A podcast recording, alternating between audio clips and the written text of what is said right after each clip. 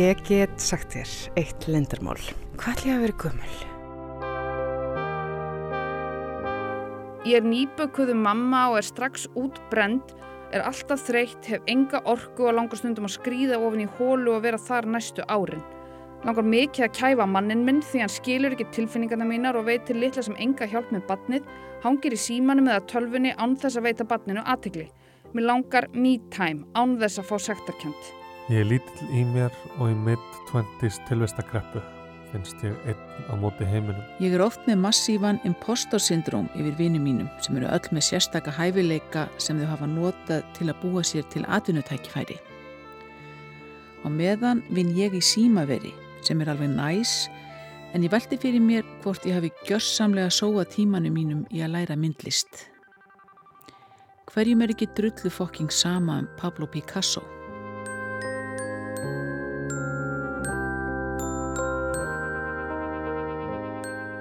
Komiði sæl, hlustendu góður, við séur komin í loftið. Halla Harðardóttir og Tómas Ævar Ólafsson heilsa ykkur 5. daginn 16. november. Við sjá hefst í dag á læginu Lindarmál eftir Þóri Baldursson og Þorstein Eggertsson í flutningi Hermigervils en við ætlum einmitt að fjalla um Lindarmál í þætti dagsins. Lindarmál sem leynast í skjálasöfnum og tvö listaverk sem spretta upp úr lindamálum. Annað fyrir fram á sviði þjóðleikúsins og hitt á Instagram. Já, við heyrðum hér í upphæðun okkur velvalin lindamál af Instagram síðunni Vending Machine sem hægt var að þýða sem pústvélin eða útrásarvélin.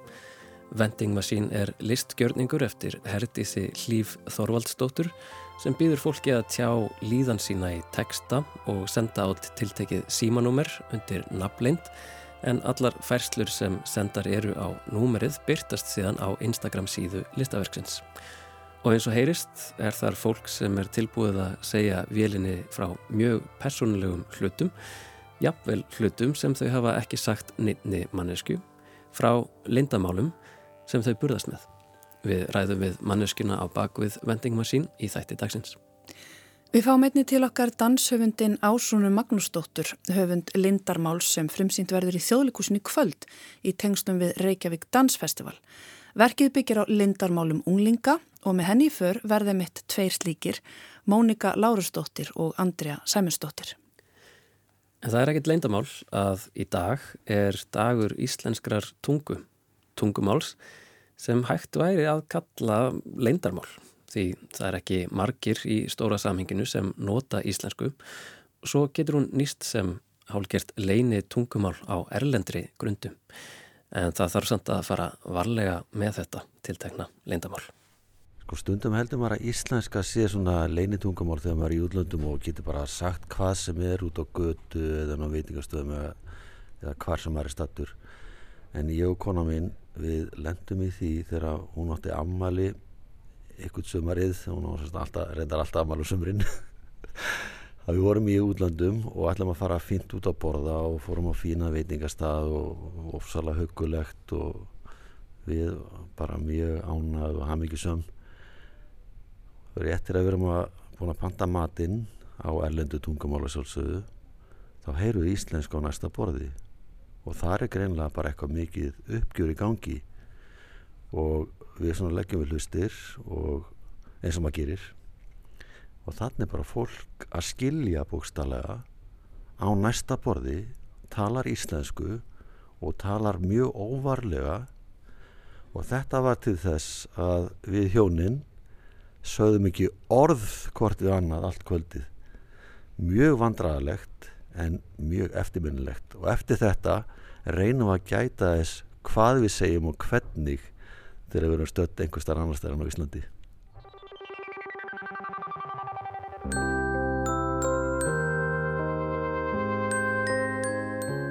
Ég hef aldrei verið góð í að eiga lindamál en þegar ég var 17 ára þá langaði mig til þess að fara á útiháttíðina ein með öllu á Akureyri af því að kærastinn minn hann var að fara þangað. Og ég vildi fara með og mamma sagði nei. Mamma var uh, þú veist, ég held hún hún ætlaði nú ekki að hleypa mér einn svona þjóðtíð eigum þegar ég var orðin 23 ára sko. þannig að segi kannski eitthvað um, um fóldrunar stílin en uh, ég stalst á ein með öllu. Ég fór með vinkonu minni til Siglufjörðar. Ég mátti fara á Siglufjörð, það er bara eitthvað síldræfandiri og kósi, sko. Þannig að við fórum með pappennar meiri sér og hann leiði okkur bara að gera það sem við vildum. Og þegar við sögum, okkur langar kannski bara alltaf inn á Akureyri. þá bara fór hann með okkur inn á Akureyri.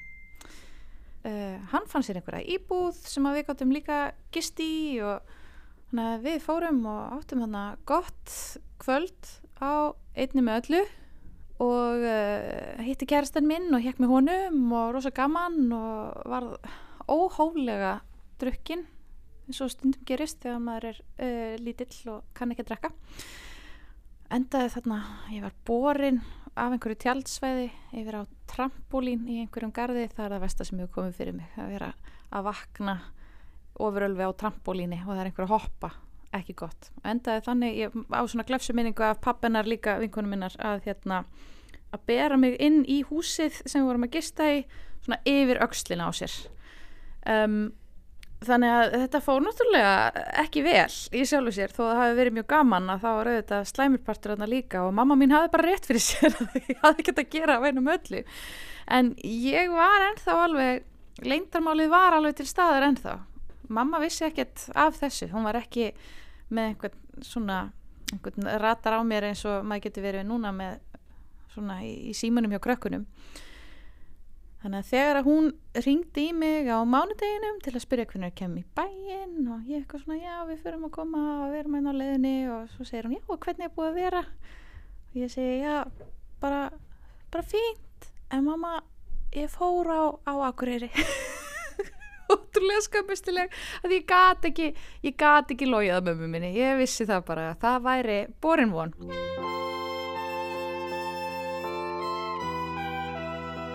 Já, þetta er bara eitt af mörgum leindarmálum uh, sem að ég hef ekki getað haldið í.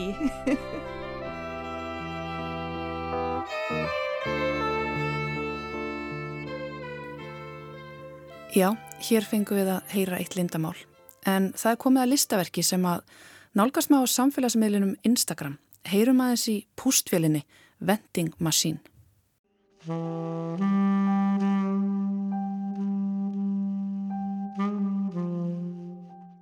Líður eins og ég hafi brugðist barninu mínu að ég sé först í fyrði sem gleipir mig heila. Kötturinn minn varð fyrir bíl í fyrra dag og ég er alveg gjörsamlega í mólum. Hann var bara sjö mánada en hann var besti vinnu minn. Hann gerði alla dagana mína svo markvallt betri.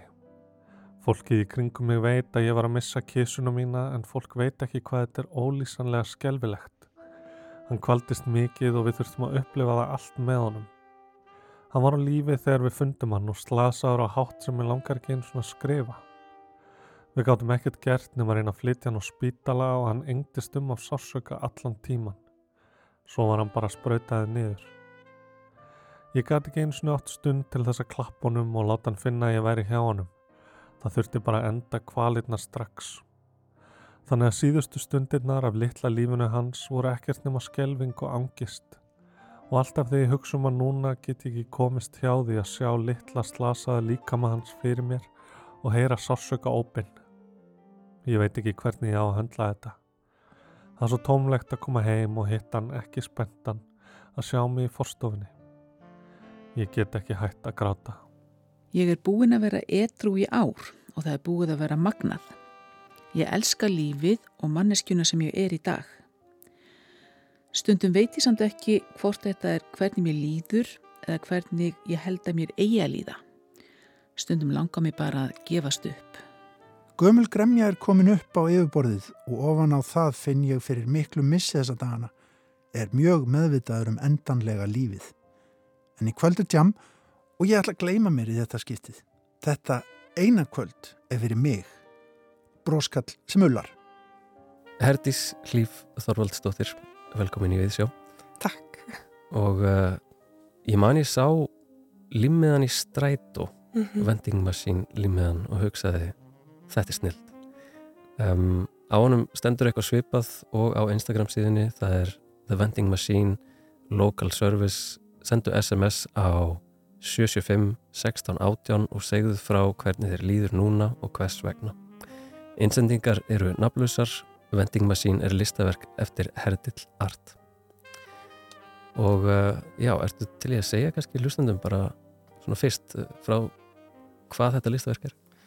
Já, þetta byrjaði þess að þannig að ég um, gerði þessa límiða uh, og fekk hennan síma og ég, já, ég ákvaði að setja þessa límiða einmitt í svona almenningsrými sérstaklega svona eins og strætu og það sem að þú situr svolítið eitt með hugsunniðinum og getur svona staldra við og, og actually hugsa hvernig líður mér akkurat núna. Ég vildi grýpa fólk í því ástandi.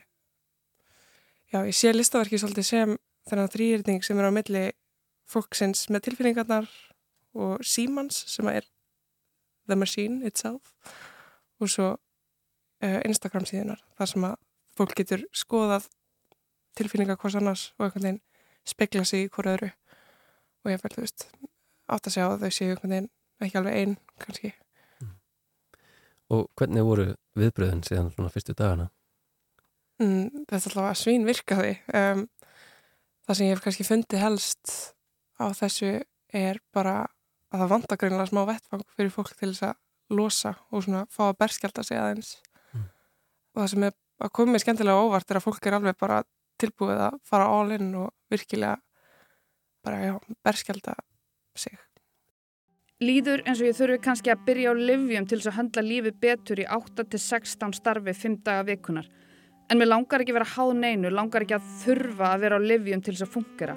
En á sama tíma myndi ég ekki dæma neitt annan fyrir að vera á livjum og myndi hvetja alla sem ég þykir væntum til þess að leita sér aðstóðar. Af hverju eru við alltaf ósangjörnust við okkur sjálf? Ég hata, hata, hata ríkistjórnina svo mikið Þau ger ekki neitt í neinu og ég er komin þegar nóg. Leiretting með.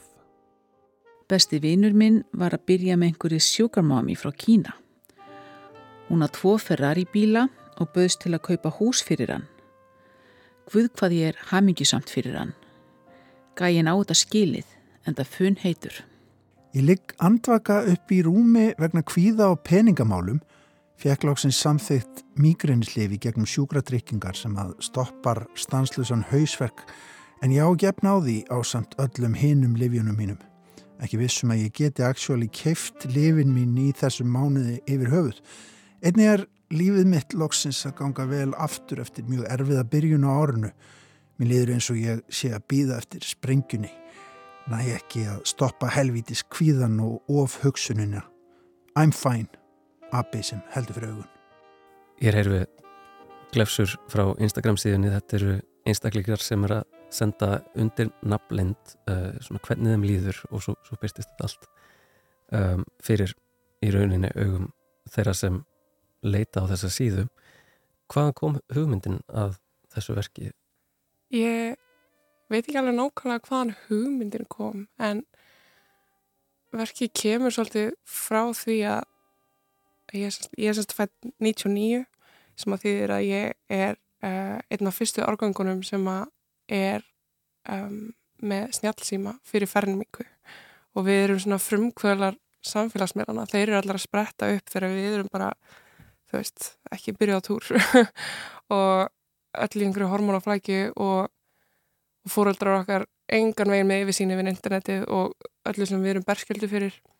Og ég er bara búin að velta þessu konsepti fyrir mér rosalega mikið síðustu ár og hvaða hafði öruglega ríkilega áhrif á þessa árganga og við erum ennþá að sjá hvaða áhrif það eru. Þannig að mér langaði einhvern veginn að búa til eitthvað sem að tekur síman okkar og samfélagsmiðlana og býr til eitthvað fallegt uh, frekaraldur en einhvern veginn ógeð sem það getur oft verið. Já, þetta er oft um eitt öll þessi aðtöðasenda kerfi og eitthvað einn svona þau, þau virðast eitthvað einn laða fram eitthvað skrýtna útgáður af okkur mm -hmm. og, mhm. en hérna er þetta einmitt að veitinni aðra átt og, og það er til aðrir miðlar sem svona stefna að þessu um, og maður hefur sett úk upp kannski svona alveg einmitt frekar nýlega heldur þetta að sé eitthvað sem að mun dreifa sér um internetið á næsta ára? Ég vona það það hlýtur að vera núna líka þegar við erum svona að vera fullorinn og vonandi fleiri sé að pæti í þessu. Að þau, einmitt taland um nafnlein, þú veist, það var partur af ákveðinu sem að við vorum einhvern veginn fyrir eru allar svona nafnlösu síður sem að dukku upp á neyngringu 2013-14 það var náttúrulega bara eitthvað svona eineltis staðir. En þetta er einhvern veginn að nota nafnlendina á annan hátt. Þá ertu ekki að koma ákveðinu yfir ákveðin annan þú ert að leysa þetta innra törmóil eh, Það er að koma inn kannski um það byrj einn til tvær nafnlausar fæslur á dag sá ég mm. um, endur spekla það að eitthvað leiti hvað er að berast mikið til þín? Já, þetta er mjög svona upp og niður, stundu koma sex sama daginn og svo kemur enginn í tvo daga og eitthvað en ég er samt einhvern veginn alltaf svona tíu SMS-um og eftir að mm. ég vil ekki bara flæða þessu inn á alla sem eru að fóla það séu mikið einu. Og erst að byrta allt sem, sem berst? Allt, þú siktar ekkert út og... Nei, en það er líka ekki að koma inn neitt ógeð eða eitthvað svona sem maður myndi alveg búast við þegar það er svona uh, opinn vettvangur en fólk er actually bara að segja frá hvernig þeim líður. En mm. það sem er mig langaði svolítið að gera líka er að þegar að þú sendir inn svona vend að þá fáir engar ráðleggingar og þú far engin svör, það er engin að koma og reyna að segja þér hvað þú er að gera því að stundum er það ekki það sem þú vilt. Um, stundum þarftu bara tilfinninguna að einhver sé að hlusta hinnum einn mm -hmm. og, og mér langar að halda mjög fast í það ef ég get. Og stundum er þetta mjög saklæsislegt uh, það var eitt skemmtilegt sem ég sá sem var eitt orð það var þunnur. Og svo, svo er mitt bara mér líður vel í dag eða mér er ílt í bakinu, alls konar bara svona kannski pínu ómerkileg uh, hérna, ómerkilega festlur mm. en, en síðan einmitt koma aðrar bara eitthvað neginn það sem er farið alveg inn að hjarta rótum og, og, og veld fyrir sér eigin líðan og, og afhjúpað þunglindi eða kvíði og bara mjög alvarlegt um, og það er mjög skemmtilegt að fá eitthvað neginn svona að vera sá sem nýsist eða mm -hmm. um þetta en finnst þú eitthvað neginn, já, vera svolítið svona komin í þessa stöð að vera svona að vaka yfir leindamálum annara? Já, klálega að einhverju leiti ég gerir ofta ráð fyrir því ég sé svona fæslur að, að þau sé að segja mér eitthvað sem þau hafi ekki sagt einum öðrum. Eða stundum er þetta einhverjar ástarjáttningar eða einhverjar ástarsorg eða eitthvað þar sem maður manneskjana augljóslega ekki að fara að senda þetta á manneskjana sem langar að senda. Og ég veginn tek við þessu í staðin mm.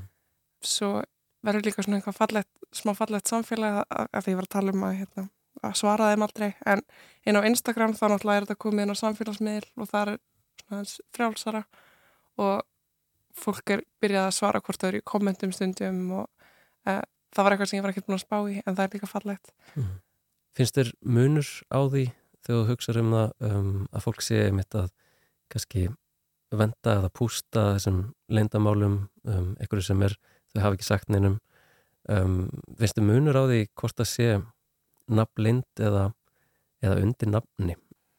Já, klálega. Ég held að fólk væri ekkert svona tilbúið í þetta ef að hérna, þau þurfti að koma undir nafni og bara, þú veist, ég, ég hef alveg sendið inn eitt eða tvö SMS, þú veist, sjálf af því að þetta er svona mm -hmm. Og uh, tröstið sem að sem að fólk sýnir þessu kom það að þeirra óvart? Alveg tvímala löst sko. Um, já eins og ég segi ég bara, það, það sem kemur mér á óvart er að hvað fólk er tilbúið að fara alveg inn. Það sem er ekki að koma mér á óvart er um, hvað bara yfirgnafandi uh, meiri hlutin er að ganga í gegnum eitthvað erfitt. Eða þú veist, fólk er mest að senda inn eitthvað sársöka og ég held að, já, kannski er það bara að þú þarfst frekar í þörf fyrir það ef að, ef að það er það sem er að gerast hjá þér. Og stundin þarfstu bara einhvern veginn að koma hluturum í orð. Og þú veist það ekki einu sinni. Og mér langaði einmitt að, að gefa fólki verkværi til þess. Ég hef það ekki lengra sinni Herdi Slíf Þorvaldstóttir Takk hjá það fyrir komuna. Kæra þakkir Var að klára crazy busy vakt og er svo illt í bakkinu. Er á leiðin að taka buss og er að fara í neglur. Var á balli fyrir tveimu dögum þannig að puttarnir mínir eru algjört brunguslis. Naklagjallan heldur öruglæði sem er fokkin STD eða eitthvað. Ég sopna grátandi og ég vakna grátandi. Ég get ekki meira. Hvenar verður þetta betra? Áhugavert að lesa alla vendingpóstana. Mikið af fólki að ganga í gegnum það sama. Líð ekki eins einmanna með það sem maður er að ganga í gegnum í þetta líf. Ég er svo þreyttur, þreyttur á að funkara ekki samkvæmt nútíma kröfum sem eru gerðar til fullorðina. Ég elska vinnuna mína en á virkum dögum eftir vinnu er ég bara búin með alla orkuna mína og hef ekki orku eða þólimæði í fólk. Hvað þá að sinna heimilinu? Elskaði að vera atvinnlaus og geta gert það sem mig langaði og hafa orku í allt sem ég vildi eða þurfti að gera.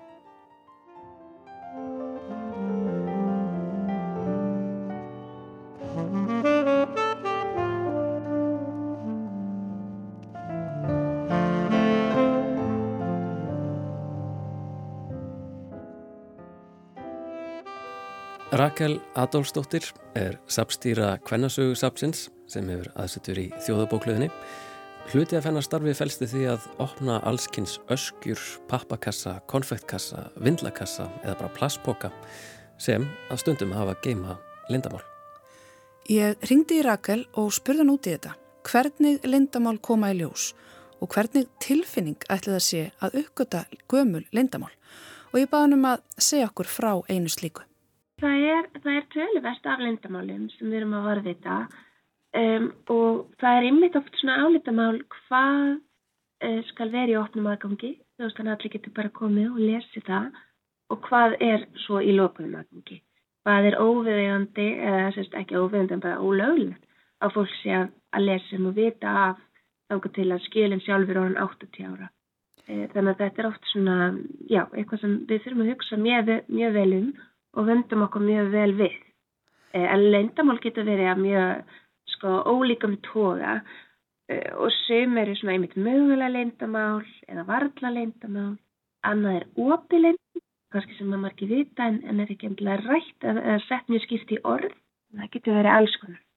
Svo lítur einmitt stundum að vera skrítið, þú ert að lesa bref og þú ert að lesa um lindamál annara vegna þá er kannski svolítið óljós lína er, er þetta lindamál, er þetta orðrómur?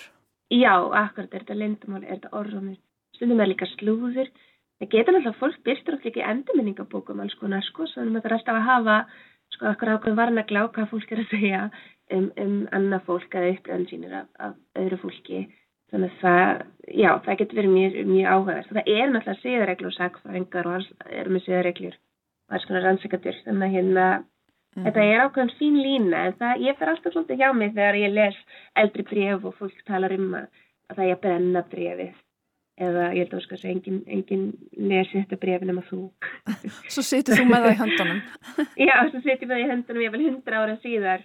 Um, en ég finnst líka að það er svo dýrmætt að geta sett sig í spór annara og að átta sig á því að fyrir öld uh, lengur síðan að þá voru oft sko uh, þrár fólks eða vandamál eða, eða hugmyndir um lífi bara nákvæmlega það sömu og við upplifum í dag. Mm -hmm. um, við erum til dæmis með bregðar sem fólk er að lýsa kvætlegósinu 1918 um, og hvernig er að vera einhvern veginn í þeim jarðsæringum og svo erum við í dag náttúrulega í, í stöðum jarðsæringum og það er bara mjög gott að geta svona speikla sig í fórtíðina. Akkurat. Ég er mjög þakklátt þeim bref þá þegar, þegar þessi bref koma inn eða dagbækur e, og við getum varveitt svona minni og sálþjóðurinnar e, um svona ókomin tíma. Einmitt. En eins og segir, þegar þú situr og uppgötar allt í ná, þú ert með lindamál í höndanum, þá finnst þér að upplöfun þín er í rauninni því að pínu óþægilegt. Já, ég upplifi alltaf svona mjög sterkar svona tilfinningu að ég, það þú veist, fyrir að vanda mig og hérna, og bera virðingu fyrir þessu fólki sem var, þessu látnu fólki, því að ofta maður að rannsaka eitthvað maður get endilega hugsa nákvæmlega um, um persóna, maður er kannski reyna að lýsa hvernig andrúrslótið var eða hvernig hugmyndir fólks var á þessum tíma og svo nota maður einhverja einu rött í það. Um, en maður þarf alltaf að að verða einhver fyrir manneskinni sem að semst, átti þessa rött og fólkinni sem var jæfnvel í kringum það manneski og afkomdu þeirra. Þannig já, ég upplega miklu svona ábyrðar kent og mhm. tilfinning mm -hmm. Rakel, ég ætlaði að beða um að hérna, segja okkur eitt lindamál í útvarpið. Já, akkurat. Þegar ég var um til að hugsa hvaða lindamál hérna, er, er gott að deila svona í útvarpinu En þá verð ég samt að fá að tala um einmitt, hérna, mínar uppáhaldstöllur, það er Guðruna Jónasson og Gunnþórni Haldarsdóttir sem voru hérna uppi seint á 19. öld og slemma á 20. öld, alveg ótrúlega konur. Það er hérna ráku saman verslun uh, á Ammanstíð og voru með heimili, ráku heimili á efrahæðinni uh, og tóka að þessi þrjú fóstuböld í Spænskaveikinni á 1918 og árið 2008 þá er hérna, komið með skjöl þessari kvenna og það er skráð svona sikkur í lægi hliði hlið og í sérst, skjölinu eru ekki mjög personulega, þetta eru viðkenningaskjöl, það voru hérna, heiðursfélagir í mörgum félögum og hérna önnu var leikuna líka, þannig að það er einmislegt um, um ferilennar, en ekki mjög mikið af svona personulegum gögnum þeirra. Og svo get, er þetta að sjá að það er sérst, mjög mísjáft hvernig er talað um þær. Hvort að þessi talað um þær sem bara hafa ekki saman hérna verslun eða, eða þá þær sérst áttu saman fóstubörnin, stundum er bara Gunnþórun hérna sögðu vera eiga fóstubörnin. Þannig að hérna, og það líka þá ætti að sjá sko í gegnum tíman hvenar þetta þykir lindamál eða eitthvað viðkvæm, en hvenar er bara hægt að tala um þetta ofinbæla. Og það er hérna árið sko 2021 og þá kemur viðbútt við skjálasafnið þeirra úr annari átt og þar kemur semst bersinlega í ljósa að þær skrifa báðar undir sem önnurnar. Þannig að þær eiga fóstubörnin samanlíklega þá og hérna badnabörnin er allavega samílega þeirra. Um, þannig að mér finnst að mjög á þetta því árið 2008 þá kom skjálsafnin á sann eininni. Þær voru alls ekki veist, par en í heimildunum frá því 1958-1959 þegar það látast að þá er líka sérst, segja fólk svona sitt og hvað hérna, já, hvernig þau tala um, um þess. Þannig að þetta finnst mér innan, vera gott dæmi um hvað er lindamál, hvenar og fyrir hverjum. Já, ég get sagt þér eitt lindarmál. Hvað ég að vera gummul? Ég var kannski öðrum, þriðja og þetta var bara í grunnskóla. Og þetta var fyrir jólinn þannig að þetta hafi ekki verið bara svona einmitt á þessum tíma fyrir x mörgum árum. Og við vorum að föndra í grunnskólanum. Föndra fyrir jólinn og ég man þetta var, við notiðum eitthvað svona pappir sem að var svolítið harður. Uh, maður klifti út og, og vorum að búið til stjörnur og eitthvað svo leiðis og, og vorum að líma á pappir og ég var að fara í mat, við maður þetta mjög vel, það var hátægismatur og þá áttum við alltaf að fara í röð og við þurftum að lappa svolítið langt í matin og ég var alltaf í röðinni. Þetta er þetta svo auðalegt, ég skil ekkert í mér. Var í röðinni og ég bara teki ykkur hugsunleysi einhvern afgang af ykkur pappir sem við höfum verið að klippa út og ég bara bögla hann einhvern veginn svona saman. Og svo treði honum upp í eirað á mér. Og svo bara er ég eitthvað með hann upp í eirað og ég skil ekki af hverju ég var að gera þetta. Allavega hana, pappirinn komin upp í eirað ég eitthvað hann að gröti í honum og hann verður bara alltaf lengra og lengra og lengra inn.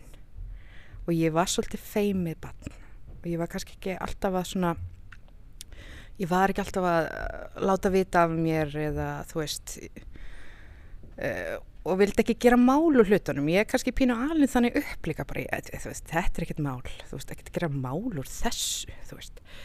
Og ég bara fer með þannan pappir inn í eiranu í hátegismatinn og bara, og er alltaf að reyna að ná hann múr og auðvitað hvað gerist. Hann fer bara lengur og lengur og lengur og lengur inn. Um, hann fer ekkit út næsta dag og hann fer ekkit út daginn eftir það og ekkit, ekkit viku eftir það og ekkit mánuð eftir það bara pappirinn er hann einni og ég segi engum frá. Og eftir því sem hann er hann lengur þá skammast ég mín þeimun meira. Þannig að ég segi engum frá þessu. Um og svo sit ég svona alltaf, ég man alveg eftir þess að ég sit oft og mamma sagt, prjónar mikið þannig að það voru svona prjónar í kringum og eitthvað svona. Já, hún heklar mikið, akkurat. Ég, ég notaði heklunál, ég var nálega snið ég veit ekki hvað, fyrir mig alveg prjón eitthvað, notaði heklunál hún er kúft. Og svo var að setja inn í eirað mér og ég heyrði alltaf, ég man út af því að það er svona metal, þetta er eitthvað svona metalpapir að þá heyrði ég alltaf svona, ég heyrði inn í eiranu þegar nálinn, heklunál var að nuttast í pappirinn og ég var að reyna að ná honum úr alltaf og lengi. Ég held að þetta hafi verið þannig í nokkra mánuði. Ég sagði einhver frá. Mér fannst þetta bara hræðilegt og ég reyndi alltaf uh, þú veist að ná honum úr og svo einn daginn plops þá fór hann úr og það var bara eins og ég hafi fengið eitthvað heyrn aftur. En ég sakna alltaf pínum ég, ég man alveg eftir þessi hljóði. Kannski fannst mér þetta bara eitthvað notalegt. En ég saði einhver frá þessu. Ég held að mamma viti ekkert af þessu. Ég held ég hef aldrei sagt um þetta. Já, ég hef þurft að burðast með eitt lendamál í gegnum, gegnum lífið. eh, það veit að þess að það sem ég ólst upp í smáþorpunni Nýfstall, Vesturafjörðum þá kom hljómsveit svona, þetta var svona um kringum 1990 uh, Bjarni Arásson og hljómsveitin hans sem heit Búningandir og við krakkarnir við náttúrulega bara rögum nýr í félagsæmili til þess að fylgjast með stjórnunum koma.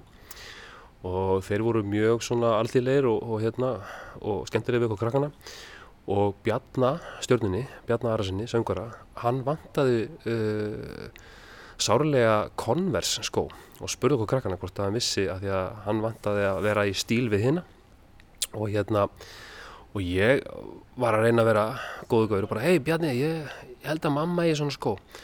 Og það var okk að hún átti svona skó og viti menn í sama númer á Bjarni Arason.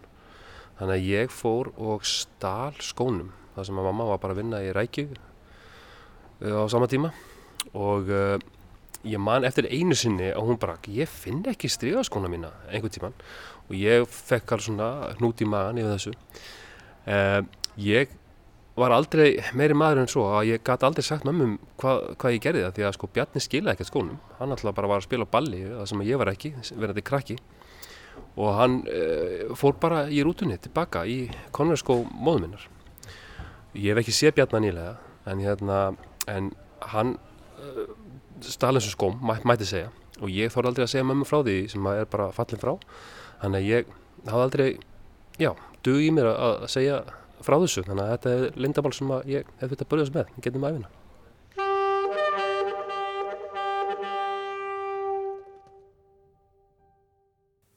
Reykjavík Dansfestival hefst í dag og stendur fram á sunnudag þann 19. november Líkt og áður er þjóðleikúsið hluti af háttíðinni og að þessu sinni verður bóðið upp á verk eftir Ásrúnu Magnúsdóttur sem ber titilinn Leindarmál. Í síningunni verða þúsund leindamál úlinga ofinberuð í gegnum frumsanda tónlist, leiki og texta. Ásrún hefur áður vakið aðtekli fyrir verk sem flæða á milli hefðbundina skilgreininga leikusins, einnig fyrir að deila sviðinu með fólki sem jafnan fær ekki sviðið og fyrir samstarfsitt við ungt fólk. En þetta er í fyrsta sinn sem hún vinnur með leindarmál. Halla tók á móti henni og góðum gestum í morgun.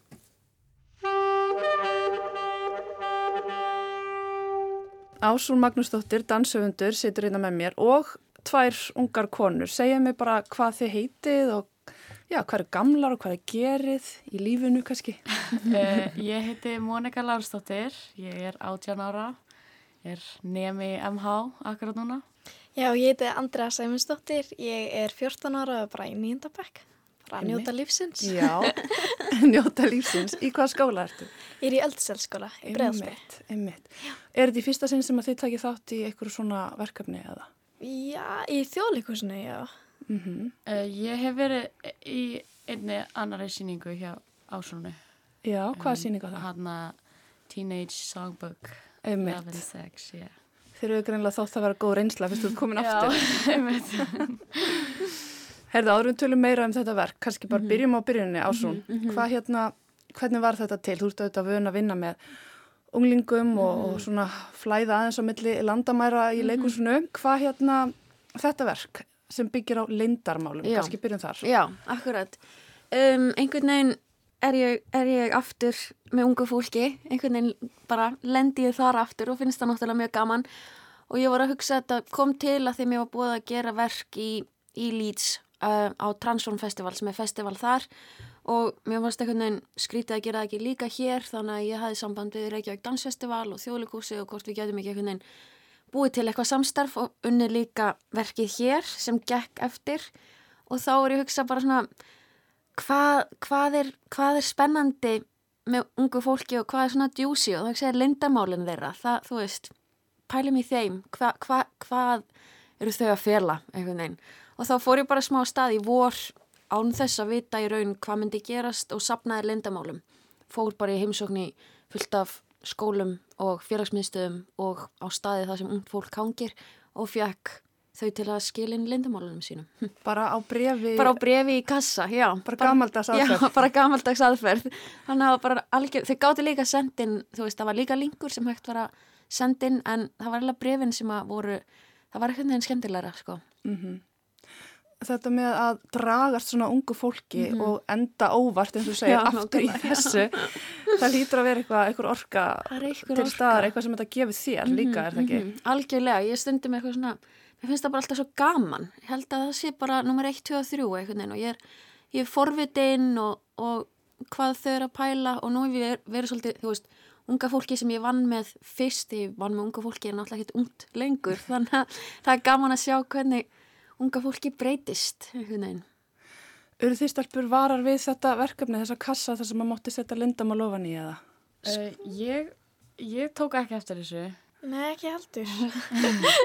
hvernig hérna, þið heyrðu á því að það vantaði krakka í þessa síningu, hvernig hérna kom það til að þið fóruð inn í þetta verkefni? Sko, ég sá það bara, ég held að ég sá einhverju svona auka leikarar síðu á Facebook. Og ég bara, það er áhuga, bara senda á hana messenger, bara, hætti Andrea. Akkur langaði að taka þátt? Um, ég bara hef haft áhuga á leiklisti en ég var bara sex ára eða eitthvað og mér varst hljómaukislega spennandi og mm -hmm. bara gaman að taka þátt. En þú? Uh, ég, vinnu minn Þór sem er líka í síningunni var tekinn inn á undan og, og sagði hei, vilt ekki koma með því hann var einmitt líka með mér í, í hann að Teenage Songbook og mm -hmm. það var náttúrulega svo gaman þannig ég bara ákvaða að gera þetta líka. Einmitt. Sko, tölum þá aðeins um þetta sem að síningin hverfist um sem að eru lindarmálin. Hvað kom upp úr kössunum ásrún? Úf, það er bara frekarspurðu hvað kom ekki upp úr kassanum einhvern veginn. Það kom, það kom svakalegt magn. Ég held við höfum sapnað svona, þú veist, öruglega hátt svona 700 lindamálum eitthvað sluðis, þannig að þau eru mjög, mjög mörg og við svona flokkuðum þau í, í flokka, við skiptum þeim í flokka og það voru mörg lindarmál snýrist um ástina og kynlíf og því sem því fylgir. Fjölskyldu vandamál, er stórflokkur uh, daddy issues um, gæludýr glæpir. Ömur og afar. Hvað sér þau? ömur og afar. Ömur og afar, já. Nákvæmlega. Líka. Hvað sér þau? hattur hattur, nákvæmlega uh, þannig að já. Þetta verður bæðið svona Lindamálið eru þetta, við veltum aðeins fyrir okkur lindamálum, mm. það eru lindamálið þetta alls konar, þau geta verið gleðileg, þau geta líka þetta verið hræðileg Já. og dimm. Já, og það er alveg, þetta er frekar dimm síning sko, að, að við höfum svona, við höfum, þú veist, ég hugsa, hún er ekki fyrir mjög ungt fólk, hún er ekki fyrir börn, skulum við segja, þannig að já, það er mjög mikið myrkur sem kom líka upp úr kösunum, og það er mjög erfitt að hugsa til þess að það er fólk að núti sem er að burðast með eitthvað af þessu, eitthvað neinn. Mm -hmm. Og svo er annað sem að maður, sem að kannski okkur finnst ekki eins og vera leindarmál, skilja, það er líka áhugavert að skoða hvað fólk ákveður að fela, eitthvað neinn, og af hverju. Ymmi, takkið þið undir þetta, Mónika og Andrea. Já, alveg. Já. Ég myndi segja að þessi síning sé, að maður þarf, maður þarf að, svona, hún, hún er ekki fyrir alla, hún er svo, svolítið, ef, ef maður er viðkvæmur, þá er það kannski ekki snögt fyrir maður að koma. Mm -hmm. Já, ég er bara að samla því sko. En þessi lindarmál komið ykkur eitthvað óvart? Ég ætla ekki að fara að spyrja ykkur um ykkar lindarmál auðvitað ekki. En hérna en sko mín tilfinning er einhvern veginn svo að uh, þegar ég fyrir að hugsa tilbaka um, um lindarmál og á ég með lindarmál og það fyrir allir að hugsa um það núna. Mm -hmm. Mér finnst svona eins og mörg lindarmál tengist þessum unglingsárum mm -hmm. Ég veit ekki okkur það er kannski það er svo sterkar tilfinningar já, í gangi Já, það er smá þannig en einhvern veginn, það er ég tengi við það einhvern veginn, mm. en það sem ég hef líka lært svolítið í þessari síningu er að mikið af þessum lendamálum eru líka lendamál sem að ég held að fullari fólk sé líka með einhvern veginn, þannig að mér fannst margt, mm. margt vera bara þú veist, maður sér eitthvað lendamál og ég hugsa hver sem er getur átt þetta lendamál, hvað aldrei sem er mm -hmm. þannig að ég hugsa að það er margt sameinlegt því að vera 15 ára og vera bara fullorðin Mhm. einstaklingur. Og kannski gott að sjá það að lindamálin eru allstaðar og allir eiga lindamál og, já. og þau eru örgulega bara allstaðar eins, allir Já, það ekki? Jú, nefnilega, ég held það sko. Einmitt. Sko tölum aðeins um hvernig þið vinnið þetta ásún. Þetta er, þetta er auðvitað hluta af Reykjavík Dansfestival, Mhm, þetta mhm. er dansverk. Mhm. Voru þið bara tilbúin að stíga inn í það, Monika og Andrea? Eru með dansbakgrunn þið eða? Já, ég er sko búin að vera dansandi bara síðan að ég var bara lítið barn, bara síðan ég var þryggjára eða eitthvað. Þannig ég er einmitt, ég var mjög spennt fyrir því. Mhm. Andrea með sko steppdans solo. Já. En ég veit ekki hvort þetta er dansverk sko, þannig ég verð nú bara að koma út úr skapnum með það, en ég veit ekki hvað er dans, einhvern veginn, þetta er, þetta er, þetta er eiginlega söngleikur. Já. Hvað? Ég veit ekki hvað þetta er. Bara alls konar. Hvað finnst ykkur þetta að vera? Já, nákvæmlega. Já, þetta, þetta er mjög bara svona alls konar. Við erum einhvern veginn bara liggjandi hérna, dansandi hérna, syngjandi hérna, þetta er einhvern veginn bara allt í einum stórum pakka. Þannig að þið eru ofinbæra sér lindumál með alls konar tjáningu en kannski fyrst og fremst söng þá og, og einhverjum. Já, Já. Já, það er mjög mikið af syng Mhm. í síningunni. Þannig að þetta er ekki þannig ásún að þú búir til einhver form eða spor eða og kennir, er þetta meira samstarf hvað- segir Þetta mér er alls frá þessu Já. ferli? Þetta er bara 100% samstarf sko þau, við fengum þessi lendamál og úr þessum lendamálum byggum við til tónlist eða þau byggum til tónlist. Þannig að þetta er eiginlega, þetta er eiginlega, já söngli, ég veit ekki hvað þetta er en þetta er, er risastórt sjó skulum við segja en þetta er fyrst og fremst tónlist, já. Þannig að þau, um, hópurinn bjóð, eða þú veist, í minni hópum byggu til mismunandi lög út, frá lend, út frá þessum flokkum.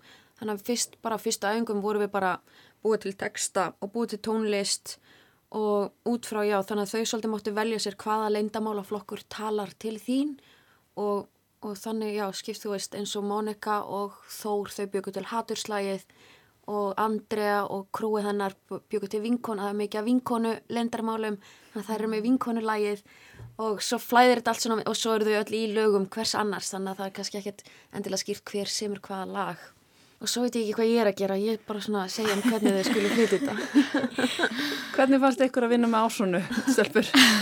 Þessi, þetta svona flæðandi kerfi, að það sé ekki allt svona fastmótað. Hvernig henda þetta ykkur svona samstarf? Mér finnst það mjög létt sko, mér finnst það miklu léttar en þú veist, þú veist að það er skiptið í hópi í skólum og það er svona skipaður að gera eitthvað sérstakt, mér finnst þetta miklu veginn léttara. Það var eitthvað svo skemmtilegt að vinna til dæmis, þú veist, við fengum að skiptum hópa stundum og svoleiðis og ég veit alltaf að ég var í hvað, tveimur hópum eða eitthvað Mhm. Og það var miklu skemmtilega að kynast öllum krökkunum miklu betur þegar þú varst bara í fjögra manna hópum og semja lög að texta, þetta var allt bara mjög skemmtilegt ferlið, sko. Já, bara samanlega mjög svona þægilegt því maður fær svona mitt rými til að gera svona einn hlut en samt svona heldur hún alltaf utan um þetta þannig að þetta fyrir ekki alveg í eitthvað kaos Hún er hérna með ykkur að strengi á Já, og stundum þarf ég að brjóta hjörtu og því að stundum passar ekki eitthvað inn einhvern veginn þannig að þá, þá það er alltaf erfitt en, en þau lusta, þetta er samstarf þannig virkar Mhm. samstarf Einmitt. En ásún, eins og við komum aðeins inn á áðan, þá hefur þú þetta verið að leika með þetta form og, Mhm. og þetta að flæða svona á milli, svona sprengja þetta, þessar gamlu reglur kannski í Mhm, leikúsinu mhm. og, og sem hefur verið svona fókuspunktur og líka þetta að vinna með ólíkum hópum fólk sem að Mhm. eru ekki endilega inn í leikúsinu að gefa fólki ekki, já, kannski í aðrinum en líka bara fólki sem hefur ekki endilega rött upp á sviði. Nákvæmlega Þetta er eitthvað, segð mér hans frá Mhm. þessu og þessari þörf fyrir Mhm. þetta. Ég held að ég með mjög mikla þörf einmitt að finna rattir sem að heyrist ekki oft í og, og, og svona hækka aðeins í þeim eða reyna þegar mér er gefið sviðið að hugsa hverjum get ég deilt sviðinu með, hverjum, hverjum finnst mér mikilvægt að heyrist í þessa stundina. Og ég held þetta komi að því ég er oft spurðið þessar spurningu, ég held þetta komi að því ég er með dansbakgrunn og er dansari veist, og lærði það og það er svona stíft og erfitt nám og svo er ég búin með það allt nám og ég gat bara ekki ímynda mér að vinna með dönsurum sem höfðu farið í gegnum þetta en þetta var eitthvað svona í upphafi, eitthvað svona punk bara í mér, ég þurfti að vinna með eitthvað um allt öðru og fyrsta verki sem ég gerði þá vann ég bara með nágrönum mínum þannig að ég svona þetta var eitthvað útrás hjá mér að, að segja nei við öllu sem ég hafði lært. En núna er ég að koma aftur tilbaka og núna er ég mjög, ég er mjög svona hrifin af dansforminu og dansurum aftur. En mér finnst mjög mikilvægt, já, að hækka í í röddum sem heyrst ekki oft í. Það, það er bara það. Og ég forvitinu líka stundum er ég bara að hugsa hm, hverjum langar mig að kynnast? Þannig að ég hugsa það líka einhvern veginn, þetta er svona, já, Einmitt. blanda hvað er mikilvægt og, og hvað mér langar. Mm Einmitt. Andrea og Mónika, hvað finnst ykkur um þetta, þessa hugmynd að svona gefa alls konar fólki rödd upp á sviði? Og núna eru þið komna með rödd upp á sviði og fenguð að gera útrúlega mikið bara það sem ykkur sjálfar langar til að gera og, og fá svona pláss til að tjá ykkur. Hva, hva, hvað er þetta gefið ykkur? Um, mér finnst það með mjög mikilvægt að svona þegar það með svona eins og með úlinga það er þú veist og lindamál og alls konar svona þú veist það svona maður gerir sér ekki grein fyrir hvað, hversu mikið lindamál fólk er með og hversu djúb þau geta vera, verið og það er svo mikilvægt að sína það að þú veist hver sem er getur verið að gangi gegnum hvað sem er. Og það er svona að það sé þú veist að koma frá okkur og sínt frá okkur, mér finnst það mjög svona mikilvægt. Mhm. Já, mér finnst það líka vera bara svo sett, vel sett upp, skiljur þú veist, þau fengur svo mörg svona djúb leindamál og erfið og mér finnst, þú veist, hvernig við setjum þetta upp á sviði, mér finnst það gera, þú veist, þessi leindamál, þú veist, eða einhvern veginn er svo vel sett upp að ef þú fær svona djúb og erfið leindamál þá er svo erfitt að setja þau kannski upp eins og, þau eru, eh, það er svo erfitt að útskýra það, Mhm. þetta er bara, Það er mikilvægt að lindamálinn verði svona kannski aðgengilega fyrir þá sem eru að horfa og, Mhm. og svona upplifið þau, já, bara geti sett sér kannski sömu spór. Einmitt, já. Já, ummitt. Já, ummitt. Og kannski fyrir þau að, að sjá, þú veist, þú ert ekki ein eða einn eða eitt eitthvað neina, þannig Mhm. svona. Mm Mhm.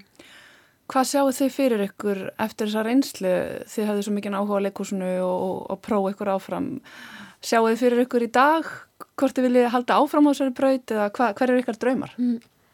Já, ég allavega, ég er mjög, vá, ég fíla þetta mjög mikið og það er einmitt núna, einmitt í MH, þá er leikur þetta að fara í gang og eitthvað svo leiðis og, og ég er bara svona mjög spennt fyrir bara svona framtíðinni í öllu svona, Mm já.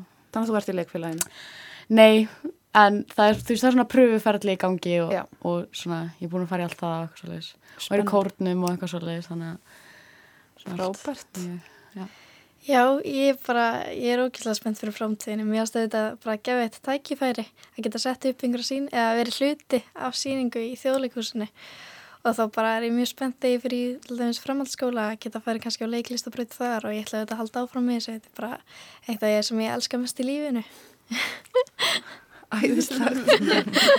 og frumsýningi kvöld. Frumsýningi kvöld, já. Allar spenntar. Já, sjúklega spenntar. Það er bara þrjá sýningar. Já, það eru bara þrjár sýningar. Sjáum til. Kannski gerist eitthvað. Kannski gerist eitthvað, já. Takk innlega fyrir að koma og segja mig frá lindarmálum. Mónika Lárusdóttir, Andrea Sæmundsdóttir og Ásún Magnúsdóttir. Takk fyrir og til hamingju. Takk fyrir. Takk fyrir mig.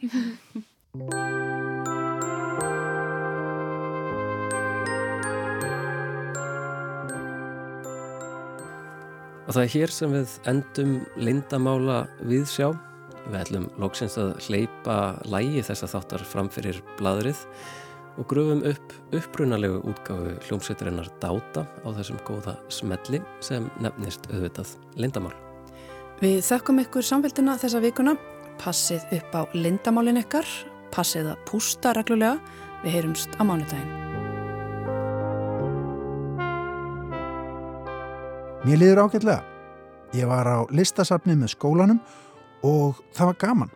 En ég, ég held að ég sé að fá þakkfarasíkingu sem er ekki jafnæs.